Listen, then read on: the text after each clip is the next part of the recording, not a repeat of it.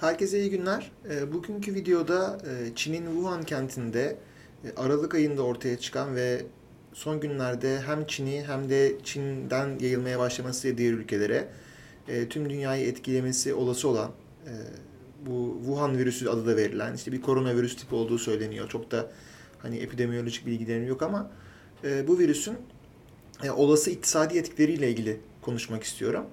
E, çünkü e, bu iktisadi etkiler e, şu anda tabii daha henüz çok erken belki bunu konuşmak için ama geçmişte bu tip virüs salgınlarının iktisadi etkilerine bakan çalışmalar, akademik çalışmalar veya yarı akademik çalışmalar mevcut.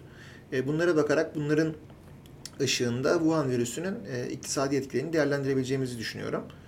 E, bu konuyla ilgili aslında şöyle bir ayrım yapmak lazım. Şimdi iktisadi etkilere bak derken e, hem sağlık alanında yani tıp fakültelerinde e, bu konuyla ilgili bazı çalışmalar yapılabiliyor. Hem de iktisat fakültelerinde veya işte iktisat bölümlerinde bu konuyla ilgili bazı çalışmalar yapılabiliyor.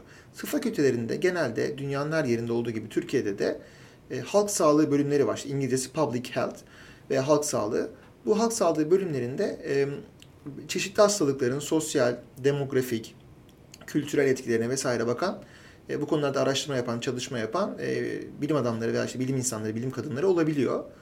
E, ve bunlar hani arasında da gerçekten e, daha evvelden de farklı virüs salgınlarıyla, farklı salgınlarla ilgili çalışmalar yapan insanlar var. Türkiye'de de var, yurt dışında da var. Onun dışında iktisat bölümlerinde ise e, sağlık iktisadı yani health economics çalışan iktisatçılar oluyor. Bunlar da bu konularla ilgili çalışmalar yapabiliyorlar. Ne yazık ki sadece bu sadece Türkiye'de olan bir şey değil, dünyada da öyle.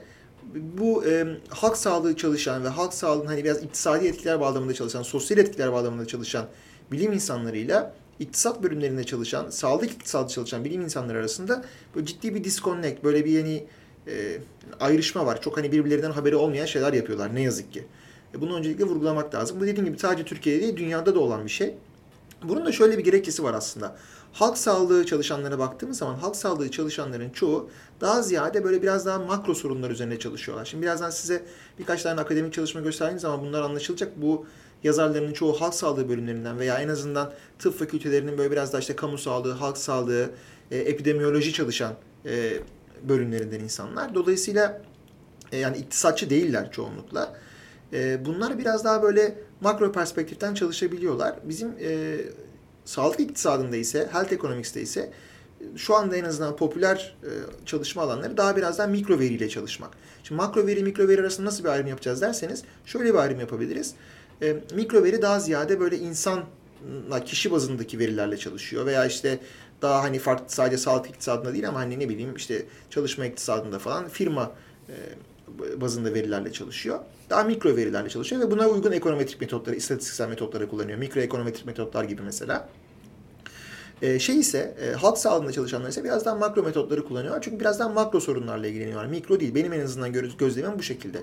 Buna ek olarak bir de ne yazık ki e, istatistiksel altyapı ve yani istatistiksel metotların kullanılması anlamında yine halk sağlığı bölümleriyle e, iktisat e, bölümlerinde e, sağlık iktisat çalışanlar arasında çok ciddi bir ayrışma var. Yani bir disconnect var gene. Niçin derseniz ne, yani eşim de kendim de hani e, dok, eşim de doktor olduğu için biliyorum e, tıp doktoru olduğu için biliyorum. Ve kendisi de hani akademik çalışmalar yapmış bir insan. Ne yazık ki e, tıp alanında kullanılan, gene sadece Türkiye değil bütün dünya için konuşuyorum.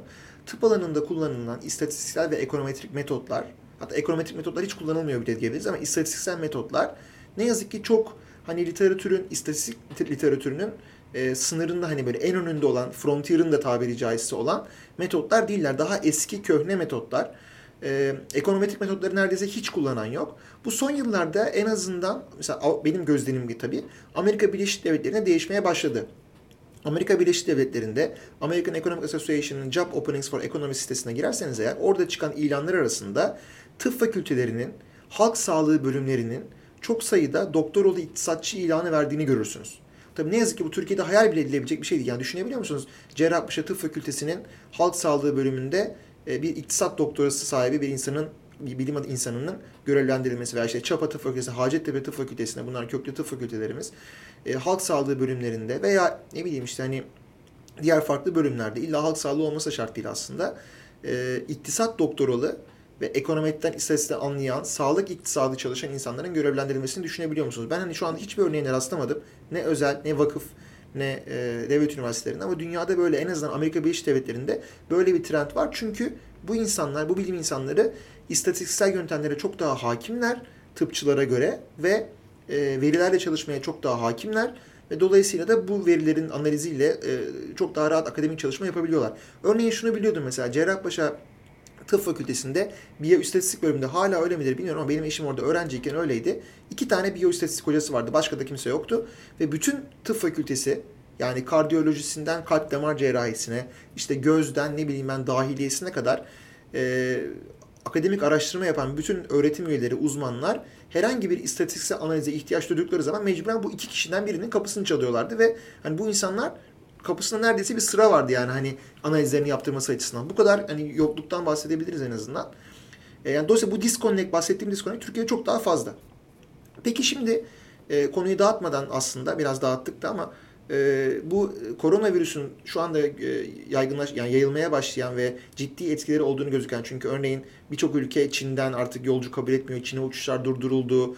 Muhtemelen Çin'in hem turizm gelirleri çok etkilenecek. Hadi turizm gelirleri Çin'de çok önemli olmayabilir ama ticaret gelirleri de etkilenecek. Çünkü insanlar Çin'den ürün almaya her ne kadar alınan ürünlerde bu virüsün taşıyıcılık olmadığı tartışılsa da ki muhtemelen olmasa da insanlarda böyle bir korku var. Hani Çin'den gelen ürünlerden mikrop kapabilir miyim acaba diye. Çin'in o yüzden mesela bu ticareti de e, ciddi dereceden yara alacak.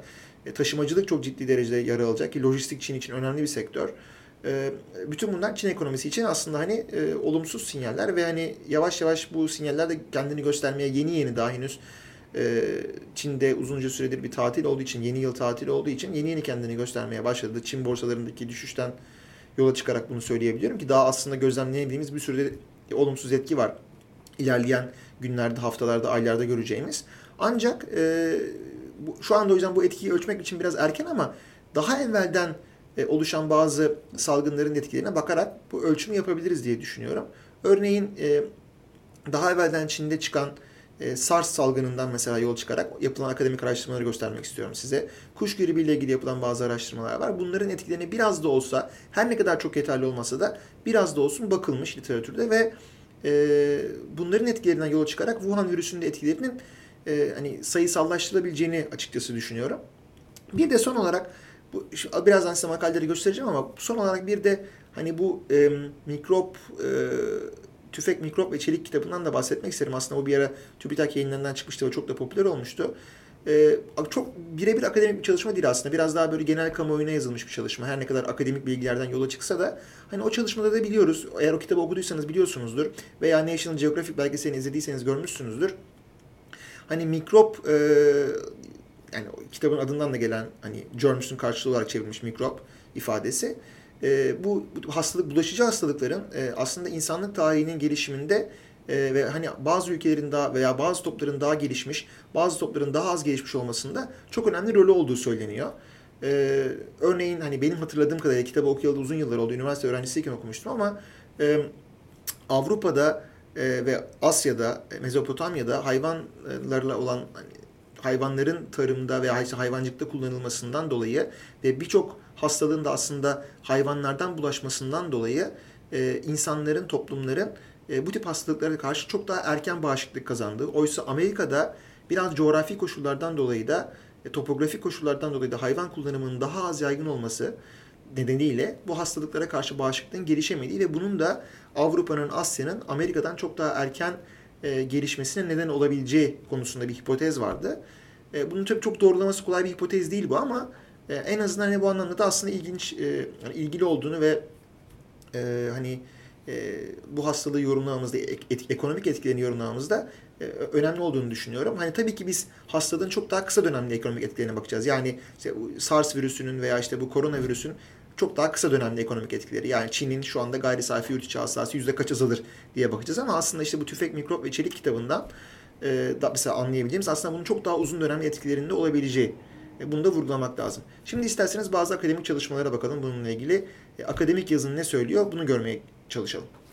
Göstermek istediğim ilk çalışma e, Asian Economic Papers dergisine yayınlanmış bir çalışma. Bu MIT Press tarafından çıkarılan ve saygın bir dergi açıkçası. Asya ekonomileriyle, Asya iktisadı ile ilgili bir ve Asya ekonomileriyle ilgili bir dergi. Burada örneğin bu iki iktisatçı tarafından yazılmış bir çalışma var. Zannediyorsam 2004 yılında yayınlanmış olması lazım. Burada The Impact of SARS on Asian Economies yani SARS'ın e, Asya ekonomileri üzerine e, etkileriyle ilgili bir çalışma. Burada daha evvelden öngördükleri yüzde bir buçukluk e, gayri safi yurt içi hasılaya yansıyan bir olumsuz etkisinden bahsetmişler ama daha sonra SARS'ın e, çok daha hani sınırlandırabildiğini Çin, e, e, hükümetinin e, hızlı hareketini sayesinde ve e, yüzde yarım gibi bir etkide bulunduğunu aslında hani çok daha düşük bir etkide bulunduğunu söylüyorlar. Bu önemli bir çalışma. Bu Asian Economic Papers dergisinde SARS'la ilgili e, birkaç tane çalışma mevcut. Hatta bir tanesini de şurada gösterebilirim. Burada e, The Economic Impact of SARS, The Case of Hong Kong. Bu da yine iki iktisatçı tarafından yazılmış ve Hong Kong ekonomisi üzerine olan etkisini ölçen bir çalışma. SARS tabi en çok bildiğimiz gibi ki muhtemelen koronavirüs de aynısı olacak, Wuhan virüsü de aynısı olacak. Daha çok Doğu Asya'yı, e, Çin'i özellikle e, ve civarındaki ülkeleri etkilemişti. Yine e, dolayısıyla yazılan makalelerin çoğu da bu etki üzerine. Burada da bunu görüyoruz. Bu çalışmada da Hong Kong üzerine olan bir çalışma. Orada da yine bir etkiye bakılıyor. Bu etkide tabii çok fazla inanılmaz teknik bir çalışma değil. Bunları bir evvelki çalışma da aynı şekildeydi. Daha ziyade hani biraz ayrıştırma yapmaya çalışıyor. Hani farklı tabii yani sadece bir gayri safi içi hastalıktaki dalgalanma sadece bir hastalık nedeniyle olacak değil. Tabii başka faktörler de etkili ama en azından e, farklı yöntemlerle e, bu ayrışma sağlanabiliyor. Bazı ekonometrik yöntemler veya istatistik yöntemler. E, bu çalışmada da bunu görüyoruz. Şimdi bunlar iktisatçılar tarafından yapılan çalışmalardı açıkçası. Bunu söylemek isterim. Yine burada The Short Term Impact of SARS on the Chinese Economy'den bahsediyor. Burada da bu daha ilk yapılan bir çalışma. Yine burada 1-2 civarında, %1-2 civarındaki bir etkiden bahsedilmiş. Bunu da Burada göstermek istediğim başka bir çalışma daha var. Bu da yine SARS'ın etkisiyle yapılmış, e, SARS'ın etkisi üzerine yapılmış bir çalışma ama Toronto'daki bir karantina e, uygulamasını anlatıyor. E, ama burada önemli olan göstermek istediğim size bakın bu makalenin yazarlarının e, tıp kökenli olması. Yani e, makalenin üç tane yazarı var. İşte iki tanesi e, tıp fakültesinden, Michigan Üniversitesi Tıp Fakültesinden ikisi, ilk ikisi. Üçüncüsü ise hem bu tıp fakültesinden hem de e, bir aynı, aynı zamanda bir hastanede çalışıyor. E, bu işte SARS'ta, e, Toronto'da SARS sırasında 2003 yılında yapılan bir karantina uygulamasını anlatan bir çalışma. Bakın hani buna e, tıpçılar da ilgi gösteriyor. Tabii bu ama aslında birazcık ekonomik bir çalışma. Çünkü bakın iktisadi etkisine bakılmış ama e, aynı zamanda da hani tıp fakültesine görevli bilim insanları tarafından yapılan bir çalışma. Benzer bir çalışmayı şurada da rastlayabiliriz. Health Policy dergisinde yapılmış bir çalışma. The Economic Impact of SARS, How Does the Reality Match the Predictions? Yani e, SARS'ın ilk ortaya çıktığında yap, e, yapılan öngörülerle daha sonradan e, SARS salgını bittiğinde gerçekleşen e, verilerde gerçekleşen değişimler arasındaki farka bakıyor. Bu çok ilginç bir çalışma aslında ve bu da yine e, Department of Public Health yani işte halk sağlığı bölümünden çalışan e, bilim insanlarınca yapılmış bir çalışma. Çok ilginç bir çalışma açıkçası bu da. Hani aslında beklenenden, öngörülenden diyeyim daha olumlu seyrettiğini e, iktisadi etkilerinin e, gösteren bir çalışma.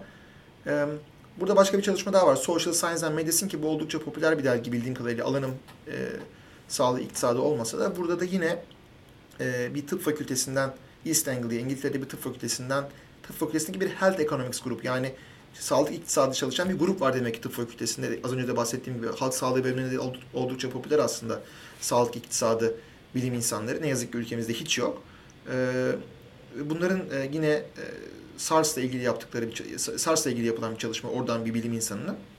Bu da aslında hani e, bu tip e, bilim insanlarına Türkiye'de tıp fakültelerinde oldukça ihtiyaç olduğunu ve belki de önümüzdeki 10-15 yılda böyle bir trendin Türkiye'de de başlayabileceğini gösteriyor umuyorum ki.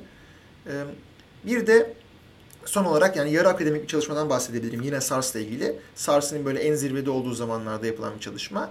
Bu e, Asya Kalkınma Bankası, Asian Development Bank biliyorsunuz Dünya Bankası'nın farklı bölgeler için farklı e, alt kuruluşları var. İşte Avrupa için var, Afrika için var, African Development Bank var mesela, Latin Amerika için var vesaire. Bir de Asya için var, Asian Development Bank. Orada e, onunla ilgili yapılan bir çalışma, Economic Impacts and Implications. E, buna da bakılabilir e, SARS'ın iktisadi etkileri için. Bu tabi SARS geçti belki de SARS salgını şu anda ama hani koronavirüsle ilgili bir analiz yapmak yapılması istendiğinde aslında buna bakılabilir. Bu çalışmalara bakılabilir ve oradan bazı çıkarımlar yapılabilir diye düşünüyorum ki hani e, sosyal medyada falan da görmüşsünüzdür. SARS'la koronavirüsü karşılaştıran birçok veri aslında hani önünüze çıkmıştır. İşte SARS'ın SARS'a göre çok daha yayılma hızının yüksek olduğu, ölüm oranı her ne kadar düşük olsa da e, SARS'a göre e, ölüm e, yayılma hızının çok daha yüksek olduğu bir hastalıkla karşı karşıyayız. Koronavirüs e, du- örneğinde. E, tabii bunun etkileri için şu anda konuşma her ne kadar erken olsa da umuyorum Türkiye'deki iktisatçılar veya halk sağlığında çalışan bilim insanları da e, belki Türkiye üzerine etkilerine hiç araştırmayı umuyorum ki gerek kalmaz. Türkiye'de olumsuz bir etkisi olmaz ama yine tabii ki eminim ki Çin ekonomisi etkilense de sadece hani Çin ekonomisiyle olan e, karşılıklı hani etkileşim nedeniyle Türkiye ekonomisi de eminim ki bir e, etki görecektir. Olumlu ya da olumsuz. Buna bakmak, araştırmak lazım. E, bu tip çalışmaların e, Türkiye için de daha sık yapılabileceğini umuyorum. E, beni dinlediğiniz için teşekkür ediyorum. İyi günler.